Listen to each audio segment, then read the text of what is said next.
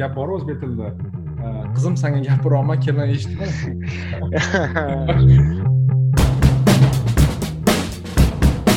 слишком такой dogmatичный o'ylashyaptida? Ha oshiryapti by default ya'ni nima deydi o'zbekchasiga default. Ya'ni hozir boshdan qaytarib yuboringda mana shunda. bu joyi kesib tashlaymiz uncha hammaga assalomu alaykum. Bu o'zbek economics podkasti va men behzod hashimov. Va men botir qobilov. Assalomu alaykum. Assalomu alaykum. Xush kelibsiz botir aka xush kelibsizlar tinglovchilarimiz. Bugun botir aka yozgan postdan tayanib suhbatni qurishni boshlamoqchimiz. Suhbatimizni ham deylik qanaqadir vaqt ramkalarida saqlagan holda darrovdan boshlaymiz. Botir aka bugun ertalab amerika vaqti bilan postingizni o'qidim kech turganim ham bilinib qolyaptiku lekin mayli. Postingizni o'qidim va siz u yerda aytyapsizki aqshdagi siyosatchilar jumladan senator elizabet warren senatga ya'ni o'sha qonun ishlab chiqaruvchi palataga o'zining legislativ takliflarini olib chiqdi. Va u takliflarining asosiy g'oyasi korxonalar qizg'anchiq korxonalar faqat foyda haqida o'ylashadi deb o'sha preambulasida shunday bir yozgan edi va uning maslahatchilari va pr menejerlari ham shu haqida gapirishyapti nima deb o'ylaysiz? Bu shunday initsiativa ya'ni shunday loyihaning qanday xatarlari bor va bu narsa e, nimadan bizga dalolat beradi? Ya'ni aqshda ayniqsa e, so'l iqtisodiy e, g'oyalarda nima sodir bo'lyapti va nima haqida qayg'urishimiz kerak? Э, rahmat savol uchun. Ha darhaqiqat bugun ertalab bitta post yozdim kech yozmoqchi edim kech bo'lib ketgani uchun bugun qoldirdim. Tinglovchilarga ozgina kontekst berish uchun xullas e, demokratik senator bo'lgan ya'ni massachusets shtatida e, senator hisoblangan elizabet warren yaqinda o'tgan haftada adashmasam shu senatga bir qonun loyihasini kirgizdi unga ko'ra har qanday favqulodda vaziyatlar masalan urush tabiiy ofatlar там e, tornado bo'ladimi suv toshadimi yoki energiya kollapsi yoki covidga o'xshagan sog'liqni saqlash bilan bog'liq har qanday favquluddagi vaziyatlarda aqshdagi xususiy korxonalar tomonidan o'z tovar va xizmatlarga qo'yilgan narxlarni oshirishini taqiqlaydigan e, bir qonun loyihasini kiritdi. Ya'ni u qonun loyihada aytyaptiki e, qandaydir bir favqulodda vaziyatlarda aqshdagi korxonalar o'z narxlarini oshirishga haqlari yo'q. Deb shunday bir qonun loyihasini kirgizdi. Bu yangilik emas. Aqshda shunday bir shu siyosatchilar ayniqsa shu narsaga tayanishadi. Ya'ni aqshda korxonalar greedy ya'ni qizg'anchiq desa bo'ladimi yoki foyda ketidan quvgan holda narxlarini oshirishmoqda va buning natijasida eng muhim so'zi bu. Natijasida aqshda inflyatsiya darajasi yanada oshib ketyapti. Ya'ni korxonalar o'zlarining qizg'anchiqlari qizg'anchiq bo'lganliklari yoki juda katta darajada e, foyda olishlari natijasida narxlarni oshirishdan so'ng inflyatsiya darajasi yanada ko'tarilib ketdi. Shuning uchun e, nimadir qilishimiz kerak degan maqsadda u qonun loyihasi kiritilgan. Manimcha ko'pchiligi sir emas. Aqshda hozir bu yil inflyatsiya ancha e, suratlari ancha katta suratlarda sakkiz uch sakkiz olti foiz adashmasam va buning sabablaridan biri deb o'sha elizabet warren ham o'sha korporatsiyalarni ayblamoqda. Endi bu haqida yozilgan podkastimizda ham gaplashganmiz. Aqshda taxminan o'ttiztacha shtatda o'ttiztacha shtatda anti price gouging laws degan narsa bor. Ya'ni o'sha qandaydir emergency masalan favqulodda vaziyat ha favqulodda vaziyatlar degan narsa shu shtat tomonidan yoki viloyat bizani kontekstimiz tomonidan e'lon qilingan paytda korxonalar o'z narxlarini masalan besh foizdan ko'proq oshirishga haqlari yo'q. Bu shtat darajasida ayrim shtatlar qabul qilgan. Masalan federal bunaqa qonun yo'q. Bu juda ham yomon narsa ekanligini biz ko'p gaplashganmiz bu yozganmiz iqtisodchilar bu to'g'risida ko'p gapiradi. Elizabet warren xuddi shu narsani federal e, miqyosda qilmoqchi. Qisqa qilib aytadigan bo'lsam bu juda ham E, yomon qonun loyihasi va ko'p iqtisodchilar biladi va e, aminmanki elizabet warrenni ofisi ham o'zi ham biladi bu qonun qabul qilinmaydi hech qachon va bunday narsalar uchun atama bor messaging bill degan. Man bu to'g'risida bilmasdim ya'ni e, aqshda shu qonunchilar palatasiga bir qonun loyihasini kiritayotganda qonun loyihasini egasi shu qonun kuchga kirmasligini bilsa ham baribir kiritadi. Nimaga? Chunki o'z ovoz beruvchilari yoki o'zini distrikt o'zini o'sha mahallasidagi o'zini shtatidagi ovoz beruvchilariga qandaydir signal berish uchun mana bu masala bizga juda ham muhim bizlar sizlar bilanmiz degan bir ovozini yetkazish uchun shu messaging bill degan narsani kiritishadi. Mana shu narsa elizabet warren quyidagi qoida qonun loyihasi ham shu messaging bill ichiga kiradi. Lekin bu juda siz aytgandek juda yomon signal beradi bozorlarga ishtirokchilarga. Hamma bilsa ham bu narsa unaqa jiddiy e, qonun loyihasi emas va u qonun kuchiga kirmasligini bilsa ham odamlarga iste'molchilarga va korxonalarga bir negativ signal yuboradi. Qanaqa? E, shu qonun loyihasi orqali va shu e, messeji bilan aytyaptiki elizabet warren shu amerikadagi inflyatsiya darajasiga oshishiga korxonalar aybdor. Deb korxonalarni e, yagona aybdor bir e, subyekt qilib qo'yapti. Lekin shu shu bilan birga boshqa narsadan qochyaptida e, aqshda inflyatsiya darajasini oshishiga sabablardan biri deb u inkor qilayotgan narsalardan biri iqtisodiyotni haddan tashqari stimullashtirish degan narsani biroz inkor qilyapti. Va agar qonun loyihasini o'ziga qaytadigan bo'lsak eng katta xato bu qonun loyihasida quyidagicha.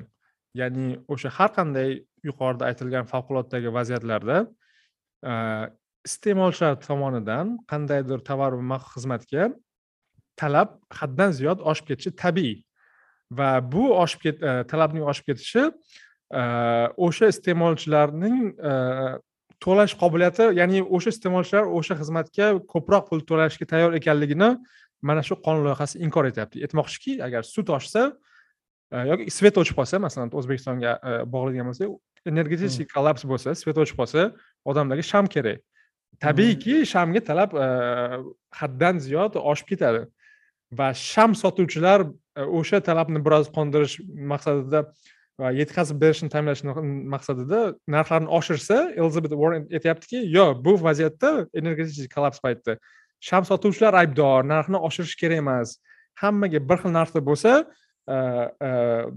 odamlar odamlar talabni qondira oladi degan narsani assume qilyapti mana shu narsani o'qigandan so'ng man shu qonun loyihasini o'qigandan keyin bir man dejavu bo'ldi. Xuddi biz bilgan argentina venesuela yoki bir hatto o'zbekistondagi ba'zi e, qonun loyihalari yoki ba'zi fikrlarniga parallel chiza oldim. Shuning uchun man buni ko'rgandan keyin yozdim o'sha iqtisodiy savodsizlikka chegarasi yo millati yo'q deb ya'ni shu aqshdagi ham siyosatchilar oddiy xatoliklarni qilishadi va xuddi bir o'qigandan keyin iqtisodchilar bilan maslahatlashilmaganmi degan savol e, paydo bo'ldi manda to'g'risini aytsam mana qarang lekin mana mana shu xatolik bor mana balki elizabet warrenni jamoasi bilishi mumkin yoki aqshda o'sha kongressdagilar bilishi mumkin lekin buni ataylan ataylab e, Э, jamoatchilikni aldash uchun. Masalan jamoatchilikka ham qarang anaqa muammo bo'lyaptida. Masalan man aqsh fuqarosiman deylik. Iqtisodni oxirgi marta kollejda o'qigan bo'lsam o'qiganman o'qimagan bo'lsam o'qimaganman. Va men ko'ryapmanki har kuni manda e, deylik sotib oladigan narsalarim benzin boshqa oziq ovqat mahsulotlari qimmatlashib boryapti. Va men kimdirni aybdor qilishim kerak deylik e, e, hukumatni yoki o'sha administratsiyani yoki o'sha nima deydi deputatlarni aybdor qilishim kerak. Keyin o'sha e, muhim siyosatchilar masalan elizabet warren kabi siyosatchilar bu qo'mita boshliqlari ular agar bu narsada e, shu korxonalarni aybdor qilishayotgani men tushunyapmanki ular o'zidan o'sha mas'uliyatni olib tashlab e, korxonalarga yuklashyapti ya'ni sizni benzin quyib beradiganingiz yoki sizga go'sht olib keladigan qassobingiz nima deydi aybdor deb ko'rsatishga harakat qilyapti. Ularni siyosiy motivlari tushunarli menga. Lekin menga bir narsa qiziq masalan o'zbekiston haqida gapirdingiz va lotin amerika Э, mamlakatlar haqida gapirdingiz o'zbekiston haqida bitta misol keltiraman. Э, Nechadir yil oldin yoki yaqinda bir video ko'rdim youtubeda. Qanaqadir ya'ni jamoatchilik insoni yoki bloger bo'lsa kerak chiqib taksi haydovchilari ya'ni shaharlararo misol uchun toshkentdan vodiyga toshkentdan qashqadaryoga toshkentdan xorazmga yurgan taksichilarni so'kib aytyaptiki mana hozir talab katta manimcha o'sha universitetga imtihonlardan oldinmidi yoki qanaqadir hayit bayramimi nimadir shu bayram yoki qanaqadir bir hodisadan oldin tushunishim bo'yicha talab katta bo'ldi. Ya'ni hamma toshkentdan deylik viloyatlarga yoki teskarisi kelishayotganda ular narxlarni mm, oshirib yuborgan ekan. Ya'ni u o'sha odamni gapi bo'yicha bundan bir hafta oldin masalan o'n so'mga borgan bo'lsa hozir o'n besh so'm deb narxni qo'yishgan ekan o'sha taksi haydovchilar va o'sha yerda baqiryaptiki sizlar insonsizlar odamlarni qiyin kunida ular ulardan foydalanib qolyapsizlar deb baqirib urishyapti va shu izohlarga kirsam ko'pchilik ha to'g'ri urishyapsiz bu insofsizlar. Ya'ni taksi haydovchilari haqida gap ketyapti. Shunaqa odamlarni qiyinchiligi yoki yomon kuni yoki qiynalgan kuni yoki keraklik paytida foyda qilib olishyapti degan bir fikr keltirishyapti. Ya'ni nima demoqchiman? Elizabet warren aytayotgan fikri manimcha juda ham sotishga oson fikr. Ya'ni xatoligi tushunarli. Elizabet warren uni xato bilishi ham katta ehtimol bilan tushunarli. Manimcha university of pensilvaniyada ehm, nima deydi ehm, domla bo'lib ishlagan ya'ni iqtisod kitobini ochib o'qigan bo'lsa kerak ya'ni taxminan bilsa kerak buni. U uni o'zini deylik ehm, siyosiy mm, nima deydi maqsadlarda qilyapti. Lekin nima uchun bu g'oya mashhur deb o'ylaysiz va o'zi nima uchun bu xato deb o'ylaysiz? Masalan hozir ikkita narsani hozir tushuntirib berishni birinchisi bu. Mana hozir tinglovchilar aytyapti rostdan ham nima uchun taksistlar yoki o'sha taksi haydovchilari talab katta kuni masalan hayit kuni yoki o'sha imtihon kuni narxini ellik foizga ko'tarishi ya'ni o'zi ular ko'tarmaydi lekin mayli ko'tarishi deb aytaylik ular shunaqa narxni ko'tarishi adolatli deb o'ylaysiz. Ya'ni siz ularni masalan o'sha o'sha pitakka militsiya chiqib yo'q faqat besh foizga ko'tarish mumkin deb turib olsa bu nima uchun yomon bo'ladi deb o'ylaysiz va nima uchun shunaqa qilish kerak emas deb o'ylaysiz. Ikkinchisi esa nima uchun bu g'oya mashhurlik haqida aytib bera olasiz siz qanaqa buni tushuntirgan bo'larsiz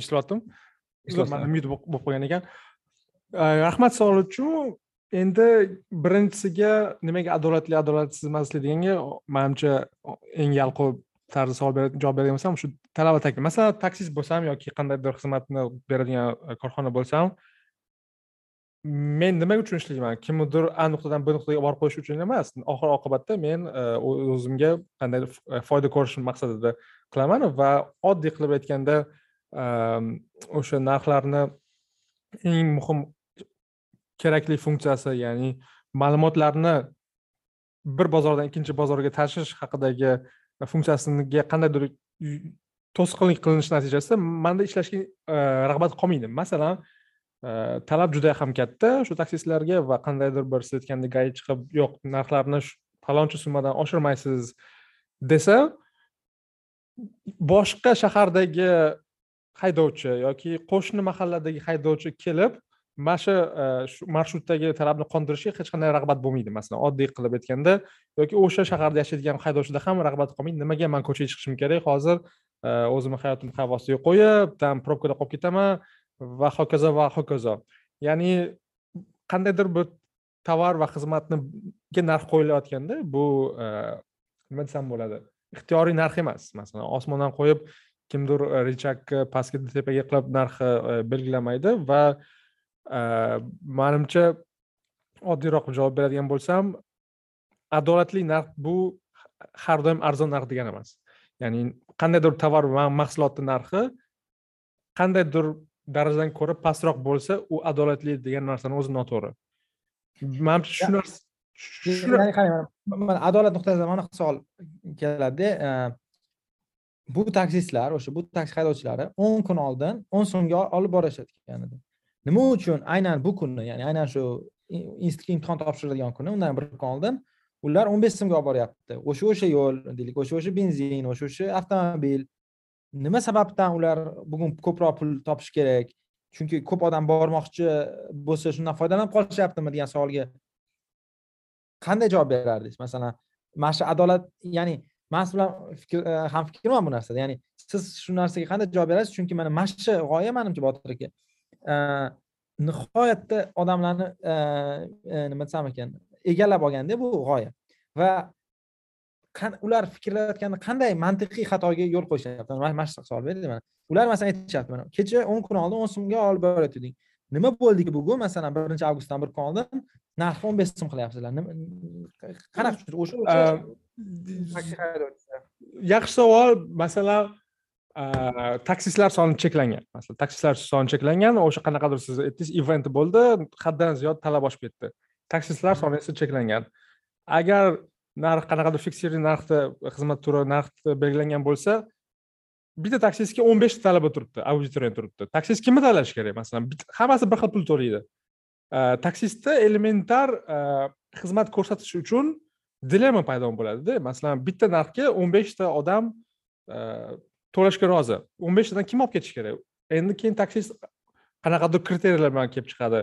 San e, bunaqa bunaqa bo'lsang olib ketaman deydi yoki qaysidir manzilgacha yetib olsang olib ketaman deb xuddi narxlashda diskriminatsiya boshlanadi lekin adolatli bo'lmagan tizimda. Adolatli narx bo'lganda e, o'sha talabalar yoki xizmat xizmat iste'molchilar talabdan kelib chiqqan holda to'lash qobiliyati o'z o'zidan o'sha e, filtr qilib yuboradi. Ya'ni balki hamma o'sha manzilga yetib borish shart emasdir o'sha kuni balki kimdir mana mana shu narsa manimcha ko'p odamlar e, inkor etadi deb o'ylaymanda e, tushundim tushundim. Ya'ni masalan ular mantiqiy fikr aytganda o'sha o'sha taksini o'n so'mga baribir o'n kun oldin olib kelayotganda ular tushunishmayaptiki rag'batlar nafaqat iste'mol qiladiganlarda balki ishlab chiqaradiganlarda ham. Ya'ni taksi haydovchilari e, ishlash ishlamaslik haqida qarorlarini har soniyada sodir qilishadi. Man bilsangiz kerak Э, nyu yorkda oldin yomg'irda taksi topish mumkin emas edi degan bir maqola bor iqtisodiy e,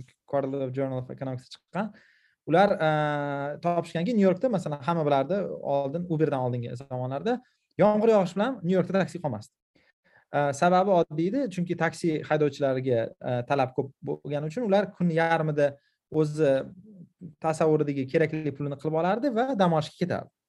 Hozir esa nyu yorkda yomg'irmi qormi boshqami? Taksi albatta bor. Lekin narxi har xil. Ya'ni u yerda yomg'ir bo'lsa qimmatroq e, nima deydi tennis o'yini bo'lsa qimmatroq e, tinch kun bo'lsa arzonroq. Demak odamlar ya'ni o'sha hozir o'zbekistondagi taksi haydovchilariga kelsak deylik kuniga masalan deylik olmaliqdan toshkentga kuniga to'rt marta borsak uch marta borsa. Balki e, anaqa kuni nima deydi o'sha imtihon kuni besh marta boradi chunki anaqasi ko'p puli ko'p. Puli ko'proq. Agar puli kamroq bo'lganda bormasdi. Ya'ni o'sha rag'bat bizga borishga yordam beradi. Yoki deylik sizni mashinangiz bor qanaqadir tashkilotda ishlaysiz lekin bilasiz birinchi avgust kuni talab ko'p bo'lgani uchun talab ko'p degani bu iqtisodiy tildan oddiy tilga o'tsak narx qimmatlashgani siz deylik bir kun отпуск olib masalan e, ishxonangizdan o'sha kuni taksilik qilishga chorlashi mumkin. Yoki e, narx qimmatlashgani kimdir avtobus qo'yishiga yoki deylik toshkentga judayam mm, borishi kerak bo'lmagan. Ya'ni masalan deylik doktorxonaga yoki kimdir o'rtog'ini ko'rishga ketayotgan odam birinchi avgust kuni emas ikkinchi avgust kuni borishi bormaydi. yo'q bormay turadi. Ya'ni u ham iste'molchilarni tarbiyalaydi bu narx ham nima deydi ishlab chiqaruvchilarni. Iste'molchilarga masalan o'sha borishi shart bo'lgan talabalarga bu narsa adolatsizlik tuyuladi lekin mantiqiy qilinadigan xatosi manimcha. Bu ular bilishi kerakki agar narxni o'sha davlatmi militsiyami kelib besh foiz boshqa degan bo'lsa unda xohlovchilar bilan ya'ni iste'mol qilishni xohlovchilar bilan o'shani ishlab chiqarishni xohlovchilar soni to'g'ri kelmaydi va kimdir peshkom ketishga to'g'ri keladi ya'ni kimdir bora olmay qoladi. Ana svet haqida gaplashdiku kimdir uyda svet bor kimdirnikida yo'qda narx noto'g'ri qo'yilgan. O'shanga e, shu masalani anaqa qilishimiz kerak yana bir siz aytgan именно shu rag'batlar shu xizmat ko'rsatuvchi yoki ishlab chiqaruvchilar rag'batlar to'g'risida shu mantiqiy tenglamada ko'p odamlar chiqarib yuboradi и qanaqadir masalan intuitiv bo'lmagan narsa ham bor masalan narxlar oshishiga qo'yib berish bu narx tushishi uchun eng kerakli yashil chiroqda masalan xuddi shu taksist anaqasida agar Э, hech qanaqa militsiya yoki davlat kelib narxi bundan oshira olmaysan deb turishini turmasa e, siz aytgandek masalan qo'qondan toshkentga yuradigan marshrutga har kuni borib keladigan taksistlardan tashqari masalan nukus bilan xivaga borib kelgan taksist ko'radida a qo'qon bilan toshkentda hozir talab katta ekan har kunga nisbatan birinchi avgustda katta ekan. E, tabiiyki e, xizmat ko'rsatish narxi ham ko'proq. Balki man o'tga borib toshkent qo'qon marshrutida o'sha kuni haydasam nukus xiva o'rtasidagi yoki xorazm dedimmi o'rtasidagi beradigan xizmatni ko'ra ko'proq pul topishi mumkin ekan deb yo'lga chiqadi. O'sha marshrutga tushadi va boshida aytilgandek anavi taksistlar soni cheklanganligi natijasida mana bu tashqaridan kelayotgan yangi qo'shimcha e, supply natijasida o'sha mavjud bo'lgan talabni qaysidir qismi qondiriladi va talab qismi qondirilgani narx tushdi degani. Manimcha mana mana shu ham e, ozgincha intuitiv bo'lmasa kerak. Ya'ni shu narxlarni o'z anaqa feedback lupi ya'ni narxlarni oshishi bu e, e, ishlab chiqaruvchi yoki xizmat ko'rsatuvchilarga ham yordam bo'ladi. Masalan yaqinda ham esingizda bo'lsa qayerda bo'lgandi qanaqa amerikada tabiiy ofat bo'ldi?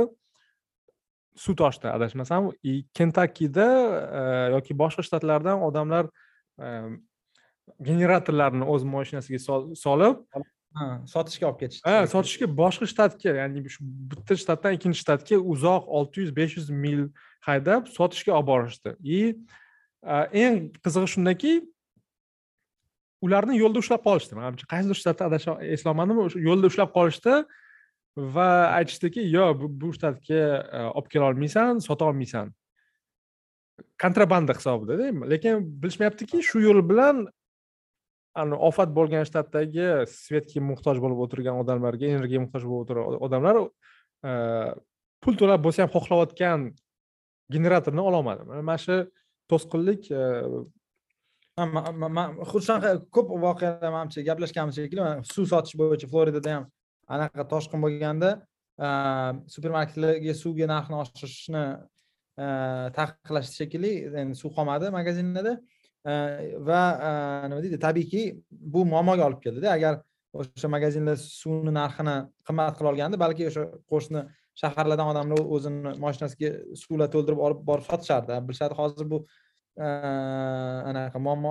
Manimcha mana shu mana shu maskalarda mana shu covidda ko'p narsa bo'ldi. Maskalarda ham ko'pchilik anavi talab haqida o'ylashdida.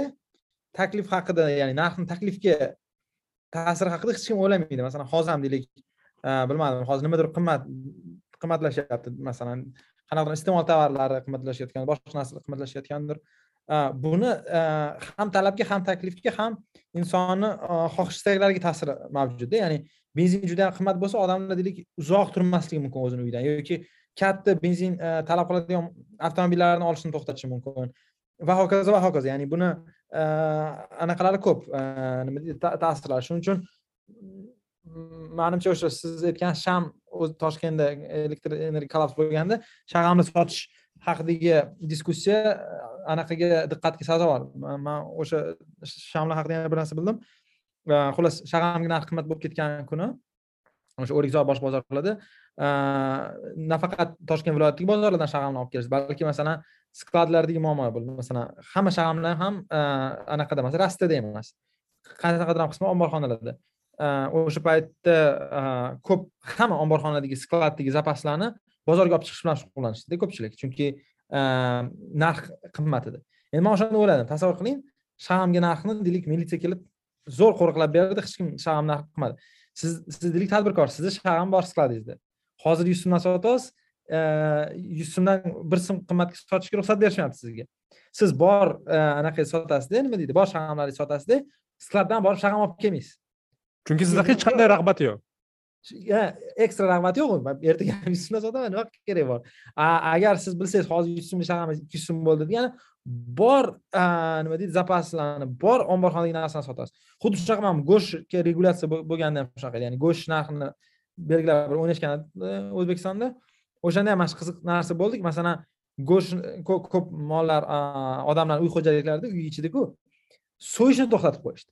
Ya'ni shunaqa katta muammo bo'lib qoldiki e, odamlar masalan go'sht so'yishni to'xtatib qo'yishdi. Katta fermerlarga kelib hokimiyatdan boshqadan go'shtni so'yishni talab qilishdi. E, lekin kichkina fermer xo'jaliklar yo'q kutib turamiz mana shu ketgandan keyin so'yamiz boshqa deb e, kutib turishdi. Shunda ular taklifni tushirib yuborib narxni yanada oshishiga olib kelishdida. Va o'shanda o'ylaydim agar o'sha kuni go'sht qimmat bo'lganini anaqa qilishganda nima deydi qo'yib berishganda o'sha kunlari go'sht qimmatligini.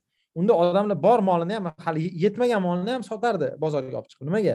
Chunki narx qimmatda e, o'sha narx kompensatsiya qilardi. Ya'ni talabga e, taklifni e, e talabni taklif bilan qondirib qondirib tashlardi ular.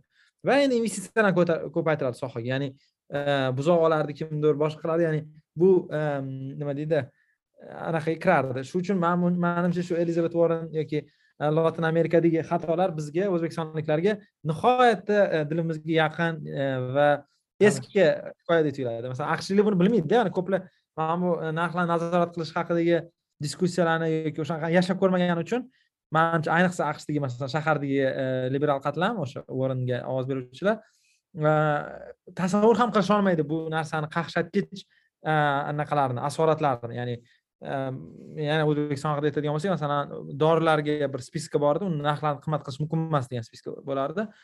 O'sha dorilarni umuman aptekalardan topib bo'lmasdida.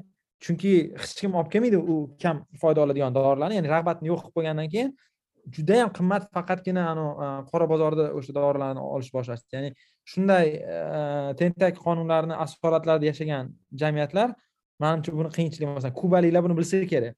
Lekin deylik o'sha e, filadelfiyada yashaydigan e, boy qatlam ha to'g'ri narxlarni regulyatsiya qilish kerak degan bir fikrga kelish mumkinda e, agar devils advocate yoki masalan narigi taraf ozgina provokatsiya qilib savol beradigan bo'lsa masalan bu narsa ishlaydi qachonki siz aytgandek qo'shimcha shag'amni ombordan olib kelish yoki boshqa taksistlar boshqa shahardan kelish va talabni qo'ndirishga taklif oshiq rag'bat bo'lish bu faqatgina ochiq erkin bozorlarda ishlaydi. Ya'ni shu kirish va chiqishga asosan kirishga hech qanaqa to'siq bo'lmasa ishlaydi. Ya'ni kimdir aytishi mumkinki okey bizada erkin bozor emas. Bizada qandaydir juda ham to'siqlar ko'p va hokazo va hokazo va bozorda uchta to'rtta katta korxona bor. Uchta to'rtta katta o'rtoqlar bor va bozor yuz foizi ularni qo'llarida va ularni bozorga ta'siri juda katta. Aytaylik o'sha tabiiy ofat bo'ldi va ular darhaqiqat narxlarni maksimal darajaga oshirishga instrumentlari bor. Va iste'molchi aytishi mumkinki biza bilamiz bozor halol emas. To'rtta shu to'rtta monopolist bor. Ular rostdan ham narxini osmonga qilib bizani sho'rimizdan anaqa qilyapti bizani qiyin kunimizdan foydalanyapti qiyin kunimizdan foydalanyapti balki rostdan ham shunaqadir deb kimdir aytishi mumkinki elizabet warren ich ichidan balki ishonar rostdan ham bir xil korxonalar haddan ziyod narxlarni oshirib yuborishgan chunki ularga hech qanday raqobat boshqa yo'q. Va iste'molchilar xohlaysizmi xohlamaysizmi? Price takers ya'ni o'sha qo'ygan narxini olishga majbur. Mana mana shu argumentga qanaqa qilib man bu argumentga bunaqa javob beraman birinchidan bozorni strukturasi ya'ni ikkita savdogarmi ikki yuzta savdogarmi bu diskussiyada farqi yo'q. Nima uchun? Chunki agar bizada maqsad e, nimanidir e, deylik o'sha qanaqadir tovarni taqsimlash bo'lsa bozorda kam e, ishlab chiqaruvchi yoki o'sha yetkazib beruvchilar kam bo'lishi albatta narxni qimmatlashga olib keladi raqobatni kamligiga olib keladi va hokazo. Lekin buni hal qilish narxni belgilash orqali bo'lishi kerak emas. Ya'ni bu siz nima deydi? Kasallik nima? Simptomlar bilan kurashyapsiz ya'ni sizda muammo bozorga kirib kelish bo'lyapti. A siz bor mavjud bozordagi odamlarga o'yin qoidalarini mana bunaqa masalan narxni oshirmasang bozorda qolasan deyapsizda hukumat sifatida. O'zi teskarisi bo'lishi kerak. Siz u bozordagi e, ishlab chiqaruvchilar bilan gaplashishingiz kerak emas ularni qo'rqitadigan mexanizm ya'ni raqobat bilan gaplashishingiz kerak. Aytishingiz kerakki e, bozorni ochib tashlaymiz deyishingiz kerak. Yana bir narsa aytish kerakki masalan raqobat haqida gapirganda bozorda nechta o'yinchiligi unchalik muhim emas potensial raqobatdan. Masalan Э, bizni biznes maktabda bitta qahvaxona bor. Э, va qahvalari deylik sal bozordan qimmatroq sotiladi э, nima uchun ular o'n dollarga qahva sotmaydi degan savolga man quyidagicha javob beraman. Chunki ular biladiki o'n dollarga qahva sotishsa yonimizdagi masalan hozirgi boshqa bitta magazin qahvaxona bo'lib qoladi. Ya'ni ular mavjud raqobatdan emas potensial raqobatdan qo'rqib ish qilishadi. Ya'ni ko'p korxona masalan biz ko'p ishlatadigan e, tovarlarimiz Э, deylik э, masalan zoom mana hozir zoom orqali э, muloqot qilyapmiz. Zoom qanaqadir ma'noda monopoliya bo'lishi mumkin. Skype bilan zoom deylik to'qson foiz e, video orqali muloqotni egallab olishgan. Lekin nima uchun deylik ular narxni juda qimmat qilib olisha olmaydi? Ya'ni qilib olishadi qilib olishsa biz majbur to'laymiz. Lekin bilishadiki bu bozorga kirish e, baryerlari kichkina. Ya'ni agar ular o'zini e, vakolatlarini suiiste'mol qilib narxlarni qimmat qilib yuborishsa ertaga ixtiyoriy kompaniya o'sha googledan tortib facebookgacha ham ciscodan tortib microsoftgacha e, microsoft skype bor. Endi shu ixtiyoriy kompaniya kirib ularni bozordagi rolni olib qo'yadi. Ya'ni e, masalan bozorda o'yinchi kamligi narxni fiksatsiya qilishga judayam noto'g'ri fikr. Chunki agar shuni olsangiz siz raqobatni e, statik ma'noda olayotgan bo'lasiz dinamik ma'noda emas. Ya'ni statik raqobat maqsadga muvofiq g'oya emas shuni aytmoqchiman. Bu qancha ishtirokchilar borligi borligi bozorda farq qilmaydi dedingiz. Man endi shu misolda qolgan bo'lsam zoom bilan aytaylik skype ikkita to'qson foiz bozorni egallab olishgan va zoom bilan skypeni siyosatchi tanishi bor siyosatchi qudasi bor. Hmm. va u ftc yoki o'sha aqshdagi o'sha nazorat agentligida ishlaydi. agentligini direktori yoki o'rinbosari deydi va qandaydir yo'llar bilan skype ikki tochka nol zoom ikki tochka nol yoki yangi video platforma chiqishiga to'siq bor bozorda. Ikkita bozor ishtirokchisi bor va ular sun'iy yo'l bilan bozorga kirishni yopib qo'ygan. Narxni otni kalasiga qilib qo'ydi. Iste'molchi nima qila oladi bunday vaziyatda? Mana mana shuni aytyapmanda. Masalan hukumatni maqsadi raqobatga cheklovlarni olib tashlash bo'lishi kerak. Agar siz mavjud bozordagi o'yinchilarga yo sizlar narxlarni tushirsanglar siz ishlay olasizlar boshqa narsa kirgizmaysiz bu teskari g'oya bo'lib qoladi. Ya'ni o'sha o'sha monopolistlarga siz yon bosayotgan bo'lasiz. Chunki ular aytadiki mana ho'p mana biz besh foiz foydada o'tiramiz o'sha mana hozir man hozir nima uchun buni aytyapmanda masalan aqshda hozir neft bozorida ko'p gapirdida deb ham ko'rsangiz mana neft kompaniyalarini foydalari boshqa hammasi katta foyda olyapti. Neft ya'ni benzin narxi qimmat deyishyapti. Ko'pchilik bitta narsani e, unutyaptida. Mana shu neftni qimmatligi mana bu o'rta sharqdagi urushlarni natijasida. Aqshda shel orqali shelf orqali e, neftni qazib olish revolyutsiyasiga inqilobiga olib keldi. Sababi nima bo'ldi? Neft shunchalik qimmat bo'ldiki ishlab chiqarishi faqat yuqori texnologik e, e, shunchalik qimmat bo'ldiki yuqori texnologik e, yo'llar orqali aqshni o'zida neftni qazib olish maqsadga muvofiq bo'ldi. Agar neft o'sha o'n dollar yigirma dollardan bo'lganda aqshda o'sha shelf inqilobi sodir bo'lmasdi. Uni qilgan kompaniyalar juda yam katta biz bilgan chevron chevron eksonlar emas ular boshqa joylardan neftni qaziyotdi kichkina texnologik kompaniyalar qilishni boshlashdi. Keyin albatta kattalari kelib ularni sotib olishdi boshqa narsa bo'ldi. Lekin nima demoqchiman? Masalan qimmat narx bo'lish agar o'shanda o'sha o'rta sharqdagi urushlar paytida aqsh hukumati neft korxonalariga benzinni narxini neft narxini e, fiksировать qilgan lekin mayli yangi o'yinchilarni kirgizmaymiz deganda biz iste'molchilarga bu yomonroq bo'lardi. Chunki hozir e, juda yam katta e, hajmda neftni olish imkoniyatlaridan biz voz kechgan bo'ladi. Ya'ni yangi bozor yangi narsani nima yaratib berishdi o'sha Э, o'sha korxonalar va o'sha korxonalarni yaratib berishini asosiy sababi rag'batlar bo'ldi ya'ni narx bo'ldi. Shuning uchun agar siz aytayotgan gipotetik situatsiya masalan ikkita korxona bor e, ular bozorni egallab olishgan va ularni endi narxini nazorat qilishga davlat borib gaplashsa davlat mavjud yomon muvozanatdan undan ham yomon muvozanatga keladi.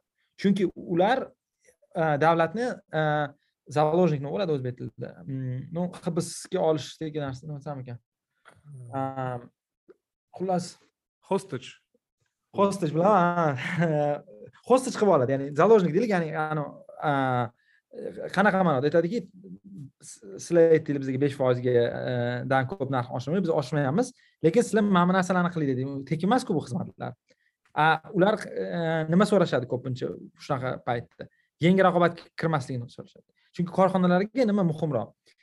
Qisqa muddatda mayli besh foizlik anaqa marjada sotamiz lekin yangi raqobat kelmasin deyish juda yam muhimroqda ya'ni chunki uzoq muddatda ularni foydalari ko'proq bo'ladi agar davlat bilan shunaqa kelisha olishsa. Masalan bir xil tashkilotlarni asosiy g'oyasi ham shunda. Masalan o'zbekistonda masalan havo yo'llarini asosiy muammosi ham davlat urishib urishib anaqani biletlarni narxlarini tushirib turib turadi bir xillarda.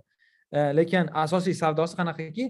Raqobatni kirgizmay turamiz. Mayli sizlar ko'p foyda qilmanglar lekin raqobatinglarni kirgizmay turamiz. Bu e, g'alati e, muvozanat. Teskarisi bo'lishi kerak. Qancha foyda qilsanglar qilinglar lekin bilinglar shu bozor ochiq. Ha bozor ochiq. Foyda ko'p qilib yuborsanglar sizlarni kelib adabiylarni berib qo'yishadi.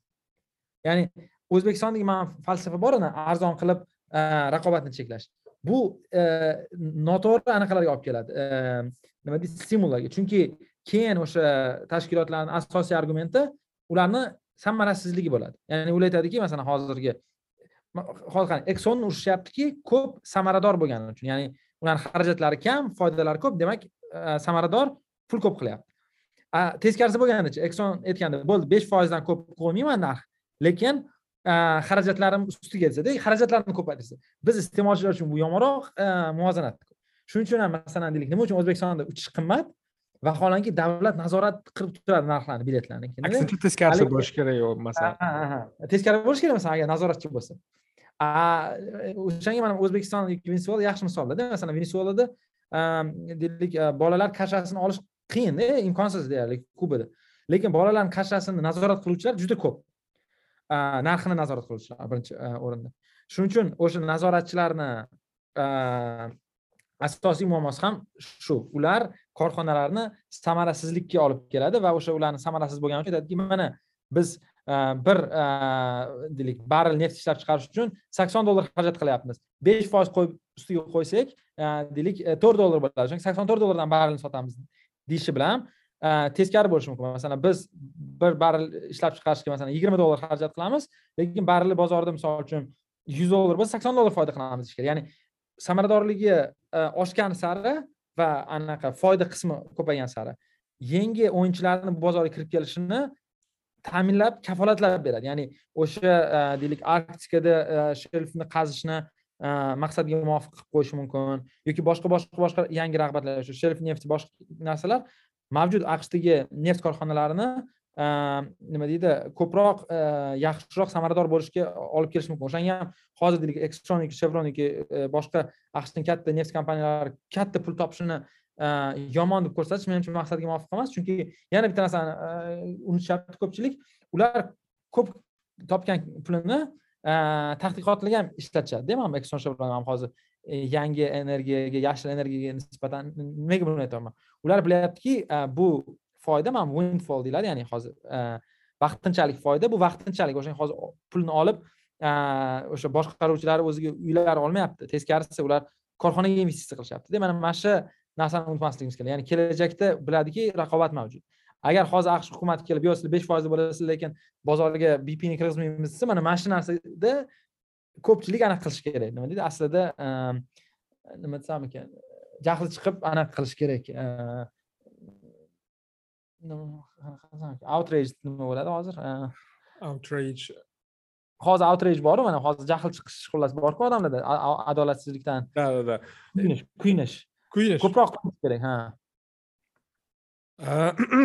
to'g'ri и qo'shilaman yuz foiz и bitta joyi ham anaqa muhim anavi exon deganda bitta narsa borki exonni olgan foydasi exondagi bitta mavhum odam uchun tagiga ketib qolmaydi masalan. Yoki ceo to'g'ri qanaqadir executive ya'ni o'sha menejerlar darajasidagi boshqaruvchilar kattaroq bonus olishi mumkin. Lekin exonni unutmasligimiz kerak. Publichniy kompaniya va uni shareholderlari siz yoki manga o'xshagan odamlar ham bo'lishi mumkin. Bir dona aksiyasi bo'lsa ham. Exon nima qiladi? Shu narxlari E, foydalari oshgandan keyin o'sha bozordagi kapitalizatsiyasi oshgandan keyin ular qiladigan qilishi mumkin bo'lgan narsalardan biri e, dividend to'laydi. Ya'ni o'sha kelgan foydalar dividend to'laydi. ha. korxonani o'ziga siz aytgandek ilmiy tadqiqotlarga research and developmentga e, investitsiya qilmasa крайнем случае ular dividend to'laydi. Ya'ni o'sha pul iqtisoddan chiqib ketmaydida ya'ni baribir o'sha uzoq qandaydir nazar nuqtai nazardan shu iste'molchiga baribir pul keladi. Ya'ni mana mana shu joyiga ham ozgina odamlarni diskussiyasidan qolib ketadi. И bu to'g'risida nimaga gapiraman? O'zi manimcha narx to'g'risida juda ko'p gapirdik to'g'ri desam jonga ham tegib ketdi lekin shu men elizabet warren anaqasini ko'rgandan keyin bir dejavi bo'ldi va shu vaqtda yozishga qaror qildim va afsus afsus bunday narsalar e, aqshda ham bo'lib turadi lekin e, bitta narsani unutish kerak emas bu narsa qonunga aylanmasligi e, ehtimolligi yuz foiz deyarli desa ham bo'ladi shu mana shu narsani aytishimiz kerak. Ya'ni biz iloji boricha samarasizlikni e, kuchaytiradigan narsalardan qochishimiz kerak. Masalan o'sha masalan davlat bilan o'sha ishlab chiqaruvchi kelishuv qilib narxni oshirmaysan lekin foyda foydang kam bo'ladi deyishi bu xato bo'lishi kerak. Teskarisi qancha foyda qilsang qil lekin bilginki bozor ochiq.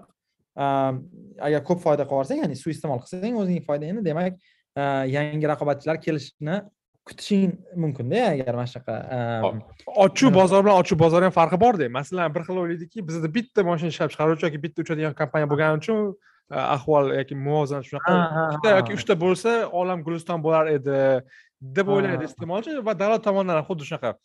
Ha iste'molchi sizlarga ko'proq korxona kerakmi? Monopoliya bo'lmasdan ikkita bitta bosh ikkita qilib qo'yaylikmi deb uchar kompaniya bir birga uchar kompaniya ikkini qo'shib qo'yishadi va qog'ozda raqobat bor. Airways Express degani chiqdi keyin yana bir narsa qanotlar bir narsa degani chiqdi. Shuni ko'pchilik tushunmaydi ya'ni bu shunaqa bo'lishi mumkin masalan ko'p mamlakatlar bor deylik masalan germaniyada bitta lufthansa bor a, masalan davlat korxonasi lekin biletlar narxi normal normal germaniyada ryanairda boshqa narsada u haqida keyin gaplashamiz lekin muammo nimadaki germaniyaning osmoni ochiq o'zbekiston havoilari ham uchib kela oladi shvetsariya havoilari ham argentina havoilari ham masalan germaniyadan ispaniyaga samolyot qo'ya oladi lekin o'zbekistonga kirish uchun bizda qanaqadir talablar mavjud? Ya'ni o'zbekiston e, avia bozoriga kirib kelish kirib kelishiga mavjud bozordagi o'yinchilarning oq fotihasi kerak va bu bizni e, raqobatni cheklaydi o'shaning uchun bizda yigirma beshta o'zbekiston e, korxonasi uchar korxonasi yoki moshina ishlab chiqaradigan korxonasi bo'lsa ham yoki o'ttiz beshta yoki yuzta. Lekin raqobat cheklanganligi yoki potensialda raqobat cheklanganligi mavjud bo'lsa masala hal bo'lmaydida. O'sha boyagi gap ya'ni Э, biz ko'pincha raqobat deganda nechta o'yinchi emas potensiali bormi yo'qmi e, deb qarashimiz kerak. Masalan hozirgi boy e, misol keltirdim masalan universitetdagi qahvani narxini asosiy faktori universitetda yagona qahva sotuvchisi. Lekin nimaga suiiste'mol qilmaydi? Chunki biladiki e, agar suiiste'mol qilsa masalan qo'shni binoda kimdir qahvaxona ochadi. Masalan agar universitetda o'n dollardan qahva qilsa yonimizdagi deylik klinikani o'rniga qahvaxona ochish maqsadga muvofiq bo'lib qoladi. Lekin universitet qahvani uch dollarga sotsa klinika qahvaxona bo'lib qolmaydi. Ya'ni mana mana shu mantiqni manimcha anaqa qilish qiyin bo'lyapti tushunish qiyin bo'ladi ko'pchilik uchun. Ha myutdasiz yana. Botir aka uzr.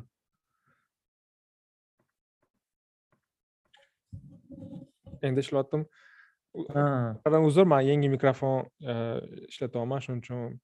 Ha, xullas bu mavzu to- to'g'risida manimcha ko'p yozdik ko'p gapirdik. Ozgina odamni joniga ham tegdi. Keyingi marotaba shunga yaqin yangilik chiqquncha yoki qandaydir keyingi absurd ko'rmagunimizgacha manimcha bu mavzuga qaytmaymiz deb o'ylayman. Endi bu jiddiy jiddiyroq mavzudan jiddiy masroq mavzuga o'tadigan bo'lsak e, ilon mask.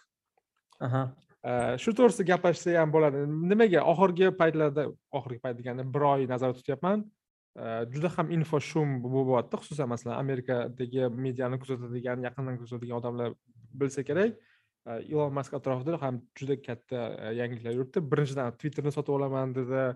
Keyin twitterni e, offer bergan twitter sotib olaman degan narxi darhaqiqat kattaligini bilib qolgandan so'ng twitterdan twitter twitterni sotib olishdan orqaga qaytishga qanaqadir bahonalar bahonalarni o'ylab topyapti. Ya'ni spamlari ko'p ekan kutgan e, kutganimdan ko'ra spamlaring kamroq ekan va shu va hokazo va hokazo bahonalarni topib e, dildan chiqib ketmoqchi. Chunki biladiki dil e, bergan narxi bozorda o'ttiz foizga tushib ketdi va oldingi podkastimizda gaplashgandek teslani garovga qo'yib olgan kreditni narxi ham oshib ketdi. Chunki teslani bahosi ham taxminan o'ttiz o'ttiz uch foizga tushib ketdi.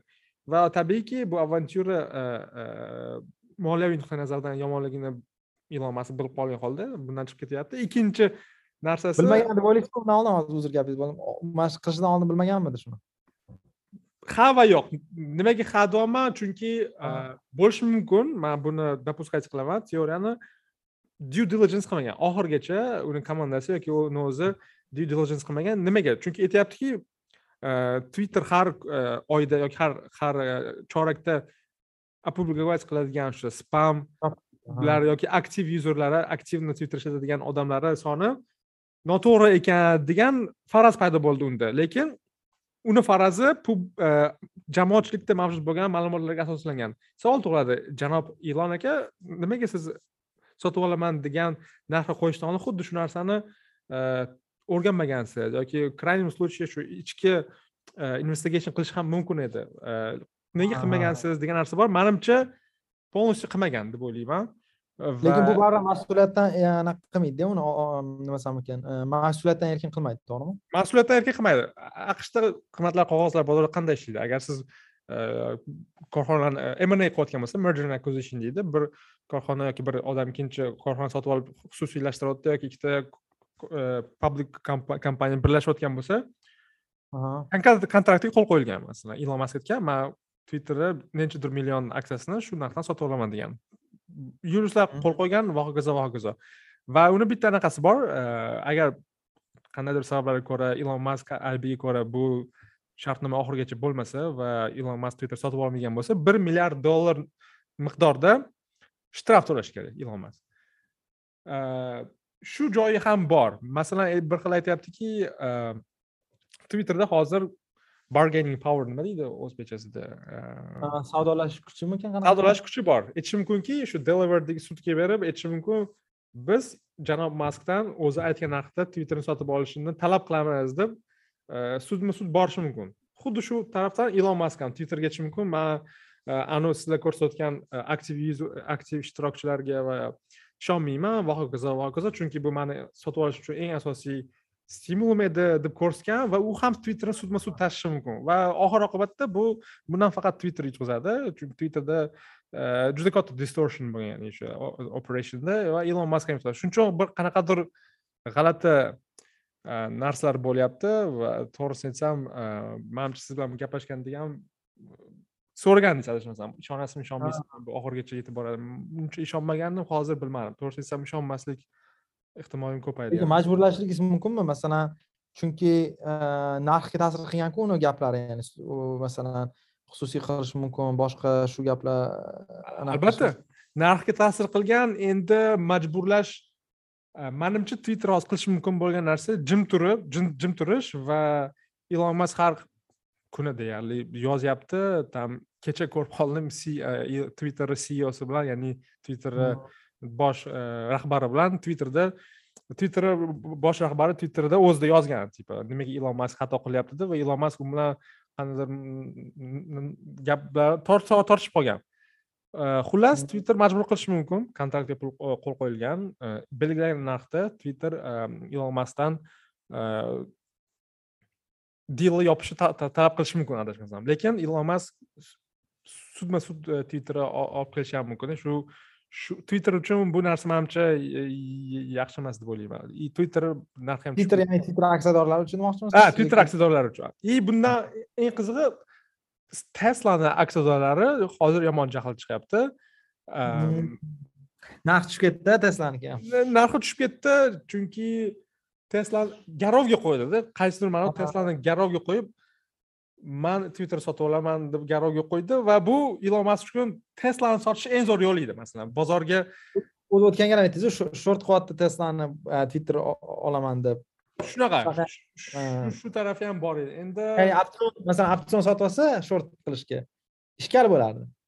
Lekin mana bunaqa gap qanaqadir anaqa nima deydi o'zbekchada forchka deydi forchka fortichka fortichka topib oldi fortichkaga yopishib oldi и o'sha twitterda xullas aytyaptiki botlar ancha ko'p ekan deyapti то есть botlar ancha ko'p lekin twitter ko'rsatayotgan raqamlar kam ko'rsatyapti deb o'zi ham ozgina qanaqadir argument yopishib oldi xullas dildan chiqib ketmoqchi lekin bu empirik masala shekilli ya'ni masalan buni tekshirib kimdir tekshirib bera oladiku ayta oladiku masalan. Twitter aytyapti bizani algoritmimizni hech kim tekshira olmaydi то есть biza mana bu spamlarni aktiv yuzerlarga ratiosini faqat biz qila olamiz tashqaridan hech kim kelib tushunmaydi buni deb twitter yozyapti va ilon mask aytyaptiki yo'q man o'zimni metodimdan hisoblab chiqdim.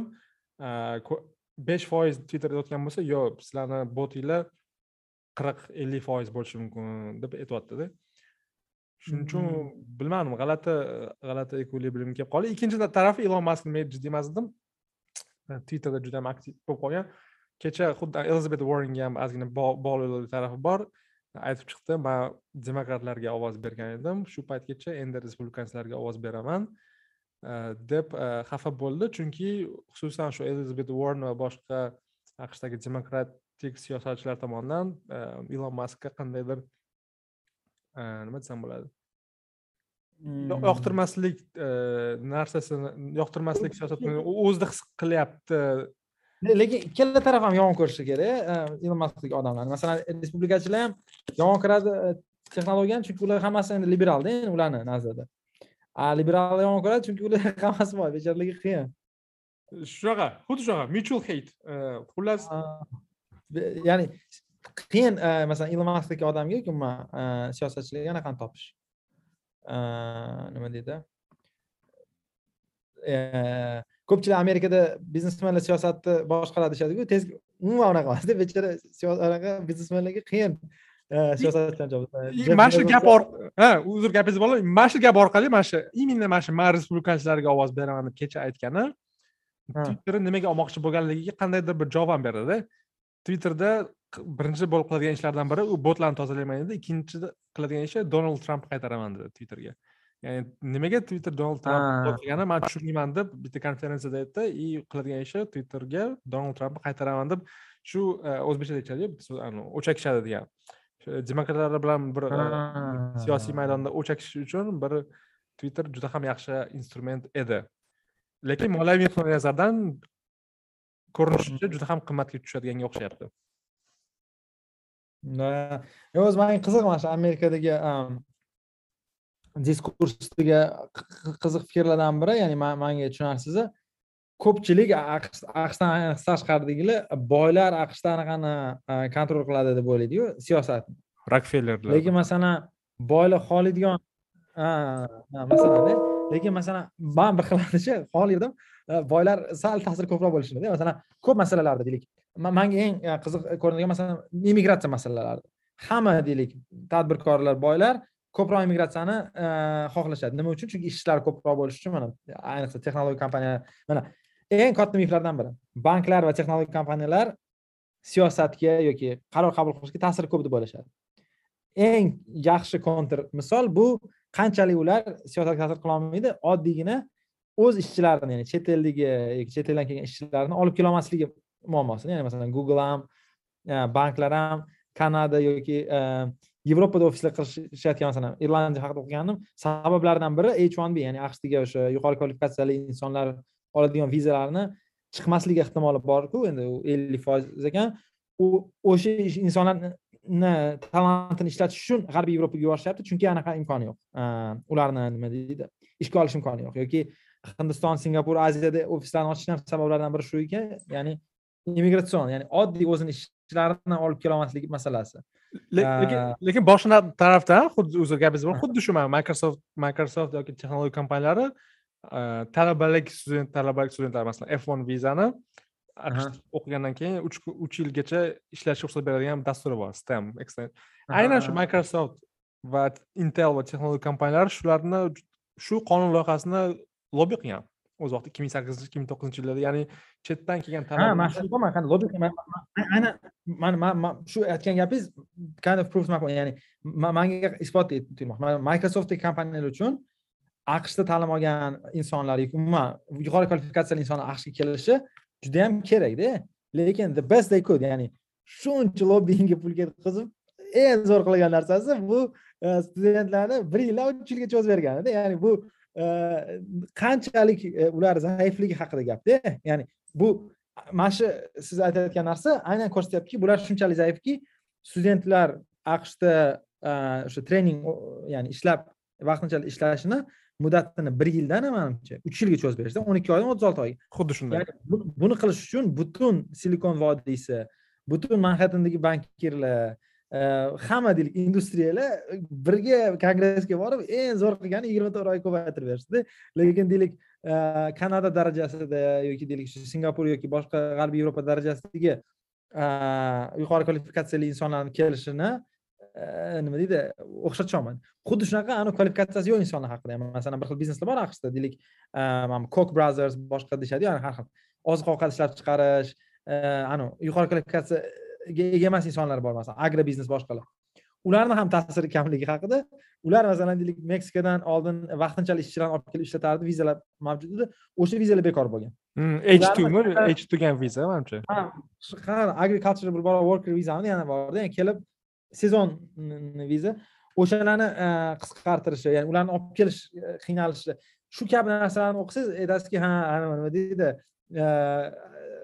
bir xillarda ya'ni kulgili ko'rinadiyu katta korxonalar aqsh siyosatiga ta'siri shu darajada kamki ular uchun nihoyatda muhim qarorlar masalan eng muhimlaridan biri ular ularni asosiy biznesi bu inson kapitalini ishlatishda va ya'ni asosiy renta anaqasi ildizi va eng asosiy masalasini hal qilolmayotgani manga sal anaqadek tuyuladi nima deydi ingliz tilida bor такой ironic deydiyu misol uchun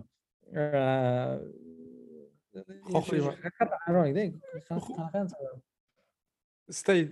istaydigan ya'ni xuddi shunga bitta misol masalan kecha o'tgan qachondir ham masalan oq uyda elektrik elektrik ev nima qanaqa deydi? Elektrik mashinalarni sammiti bo'lib o'tgan bo'lib o'tdi va u yerga kimni chaqirishmadi teslani chaqirishmagan. Ya'ni aqsh emas dunyoda dunyo bozoridagi shu elektron avtomobillar ishlab chiqaruvchi eng ilg'or kompaniyasi shu aqshdagi o'sha bir kichkina kabinetda shu mana shu bozorni oldinga olib boradigan ilg'or kerakli bo'lgan loyihalarda qatnashmayapti. Ya'ni shunchalik biznesni siyosat olib borishda rol roli cheklanganligiga ham bu bitta manimcha misol bo'ladi.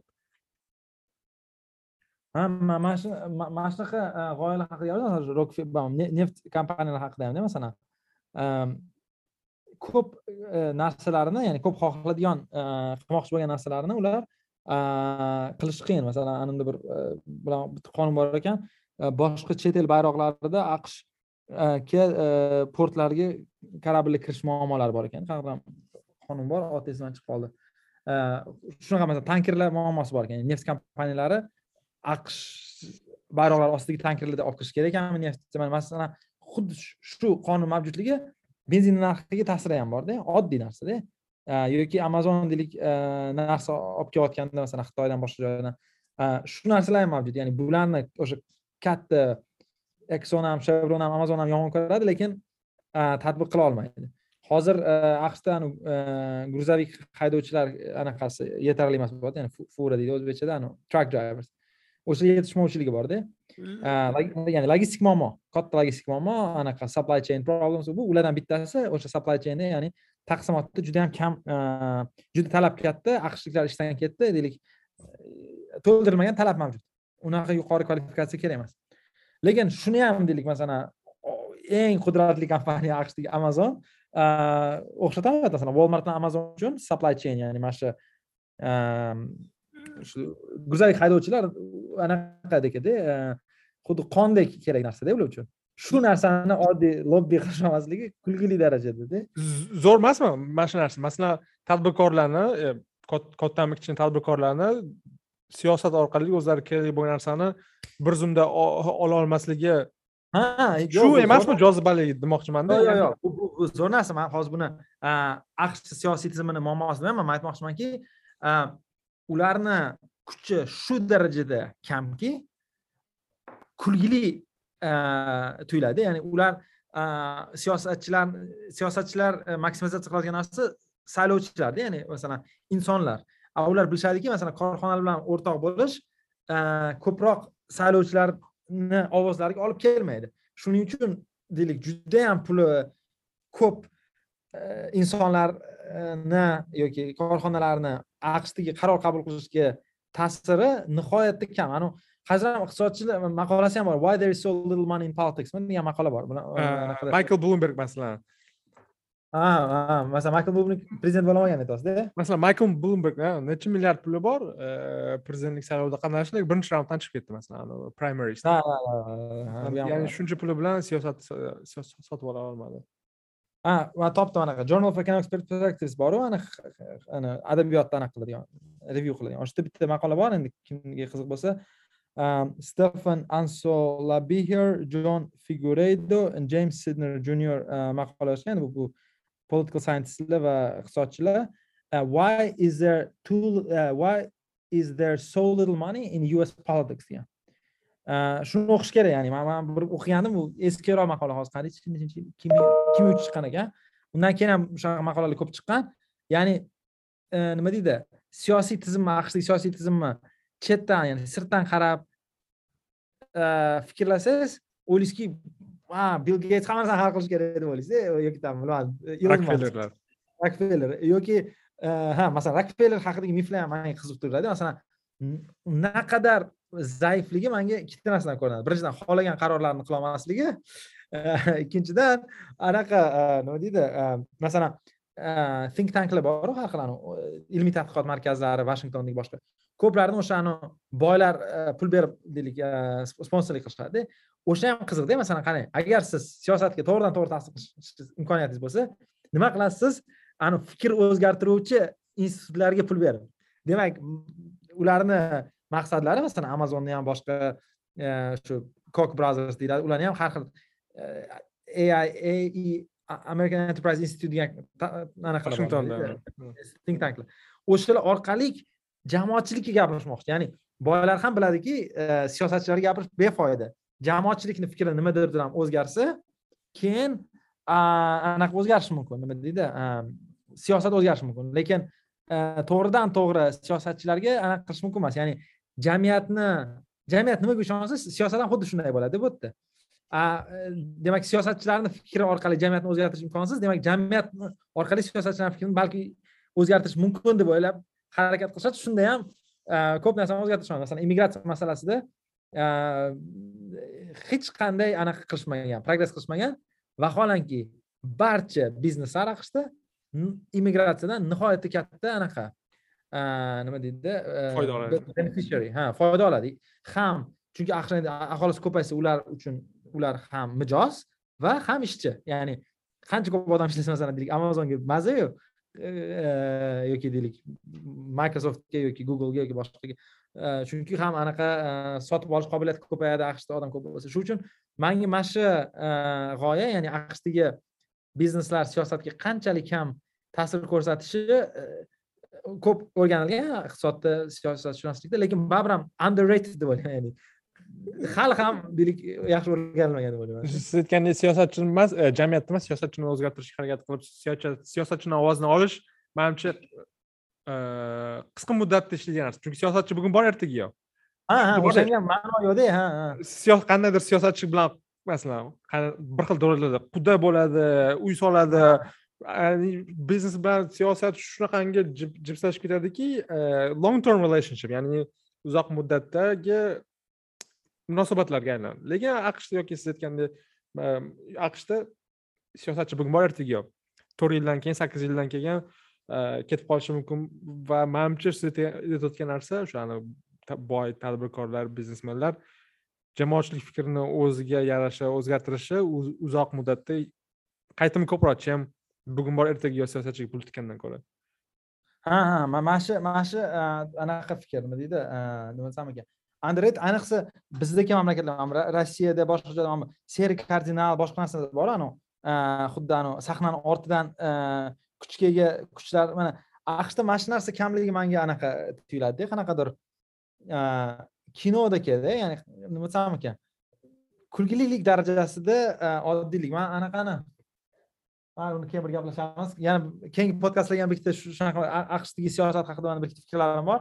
Ya'ni man siyosatshunos emasmanu anaqadagi o'qiymanda sirtdan o'qiymanda ularni adabiyotini o'shanga masalan anavi deylik aqshdagi siyosatchilarni puli kamligi haqida ham gaplashish mumkin masalan endi masalan deylik aqsh moliya vaziri ikki yuz ming dollar ham olmaydi yiliga bu mavzuda gaplashamiz chunki manda ham bu haqida qiziq man bu to'g'risida siz aytgandek sirtdan o'qiyman man bunga ham qiziqib masalan siyosatchilar kam topishi va tadqiqotimga ham harakat qilib ko'rganman ya'ni aqshdagi xuddi anavi senatorlar va kongressdagi qonunchilik palatasi odamlar aynan investitsiya qiladi aksiyalarga bu to'g'risida отдельно mavzu to'g'risida gaplashsak bo'ladi. Bir yuz yetmish besh ming dollar oladi kongressmanda oyligi чистый base salary bir yuz yetmish besh ming olar uzog'i bilan. Lekin ular xuddi aqshdagi boshqa ishtirokchilar kabi bozorda qatnashish huquqiga ega. Masalan siyosatchilar. Debat bor конечно ular qatnashishi kerak emas qatnashishi kerak emas. Lekin aynan qandaydir talantli odamlarni siyosatga jalb qilishni bitta yo'li ularga o'sha erkin bozorni mevalaridan bahramand bo'lishga ruxsat berish. Lekin argument bor ular albatta masalan qaysi masalan ha man nensi pelosi bo'lsam man teslani aksiyasini bugun sota olamanda lekin ertaga chiqib olib shu ev sektorga jozibali bitta qonunni yozib qo'l qo'y deb chiqibsan albatta bu conflict of interest bu bu rasvo narsa. Lekin e, yo'llari bor. Manimcha bu to'g'risida отдельно gaplashgan bo'ladi keyinchalik. Ha, to'g'ri to'g'ri to'g'ri. Qiziq qiziq qiziq savol. chunki siz aytgandek mana shu- keyingi aniq bo'lishi kerak. Siyosatchilarni puli nimaga kamligi masalan deylik. Man manga eng qiziq tuyuladi mana mana shu yani foreshadowing qilaylik keyingi dasturda manga eng qiziq tu- tuyuladigani mana bu eh, bizadagi shaharimizda masalan targetni menejeri eh, bir yuz yetmish ming dollar oladida eh, yiliga u universitetda o'qimagan odam ya'ni mani o'rtog'im o'rtog'i e, kollejga ham bormaganda u xuddi deylik aqshdagi bilmadim federal rezerv tizimidagi e, prezidentlar darajasida yoki moliya vaziri yoki deylik e, aqsh davlat departamentini o'rinbosaridagi pul topadida. Va mana shu agar pul bilan statusni to'g'ri kelmasligi shu haqida bir gaplashishimiz kerak rob pitersonmi kimdir bir yozuvdi zo'r maqola yozuvdi anaqa. Uni o'qib olamanda keyin bir eh, gaplashsak bo'ladi anaqa. St- status uh, money inconsistencymi degan bir qanaqadir zo'r narsa o'qigandim bir nechadir yil oldin o'shani bir agar topsam anaqa qilaman shuni bir gaplashamiz. Manga tashlang mana o'qib ko'raman. Qiziq qiziq mavzu xuddi shu aytgan target masalan panda express ko'rgandim. Oldin jukda o'qiganimda panda expressda ellik olti ming menejer olardi. Yiliga solishtirganman o'sha o'sha shaharda o'sha shtatdagi median oylik qancha va o'sha universitetdagi ya'ni panda express ya'ni shu panda express degani bu eh, bitta restoran. Masalan kampusdagi Ha. o'shani menejeri el- ellik olti ming yiliga oladi bu restoran so'zi anavi qimmat degani aqsh restoran degani ovqatxona. Ovqatxona ha ha. Tam- tamaki qiladi yo, nima deydi Eh, tamaddi qiladigan xona. Tamaki bu sigaret. Panda sotiladi bizda ya ya bizani pandex fake chinese food sotardi. Fake emas yaxshi chinese food sotardi. Xullas u yerda ellik olti ming oladi. Bu janubiy maktab o'qituvchisini oyligidan ko'pda ha ancha ko'p masalan twitterda yaqinda kimdir kimdir yozdi xuddi shu gap. Panda express lekin boshqa shtatda boshqa shaharda matematika yoki maktab institut shah shu shtatdagi davlat ta'lim berish muassasasidagi o'qituvchidan ko'ra ko'proq o'sha biznesdagi e, tadbirkor yoki tadbirkor emas menejer ko'proq oylik olishi qiziq fenomen. Lekin mana shu narsa anavi narsaga bog'liqda masalan deylik bu maktab direktori olsa o'sha e, химчисткani direktoridan kamroq pul oladida aqshda shartli ravishda. Lekin maktab direktori jamiyatga ta'siri bor boyagi hozir. Saylovchilik anavi status nuqtai nazaridan solishtirib bo'lmagan darajada balandroqda mana bu e, nima deydi otini? Principal masalan ular bilan siyosatchilar ham gaplashadi boshqa ularni ta'siri katta ular masalan aynan oxirgi ikki yillar ichida maktabdagi bilasizga school boardda masalan demokratlar respublikani eng katta urushi aynan shu maktabdagi okrugda sol- shu uchun shu uchun shu haqida bir gaplashamiz unda keyingi podkastimiz manimcha soni shunday qilaylik chunki man yaqinda safarga ketaman keyingi hafta o'zbekistonda bo'lish niyatim bor vaqti kelishib olamiz manimcha shu shu haqida gaplashsak bo'ladi katta rahmat kelishdik eshitganingiz uchun botir aka sizga rahmat. Vaqtingiz uchun E, yana cho'zilib ketdi lekin e, bilasizlar shu e, bo- boshqa imko- imkoniyatimiz yo'q shunaqa te- te- terapiyani vaqti har doimgidan ko'ra cho'zilib ketdi. Gaplar yig'ilib qoldi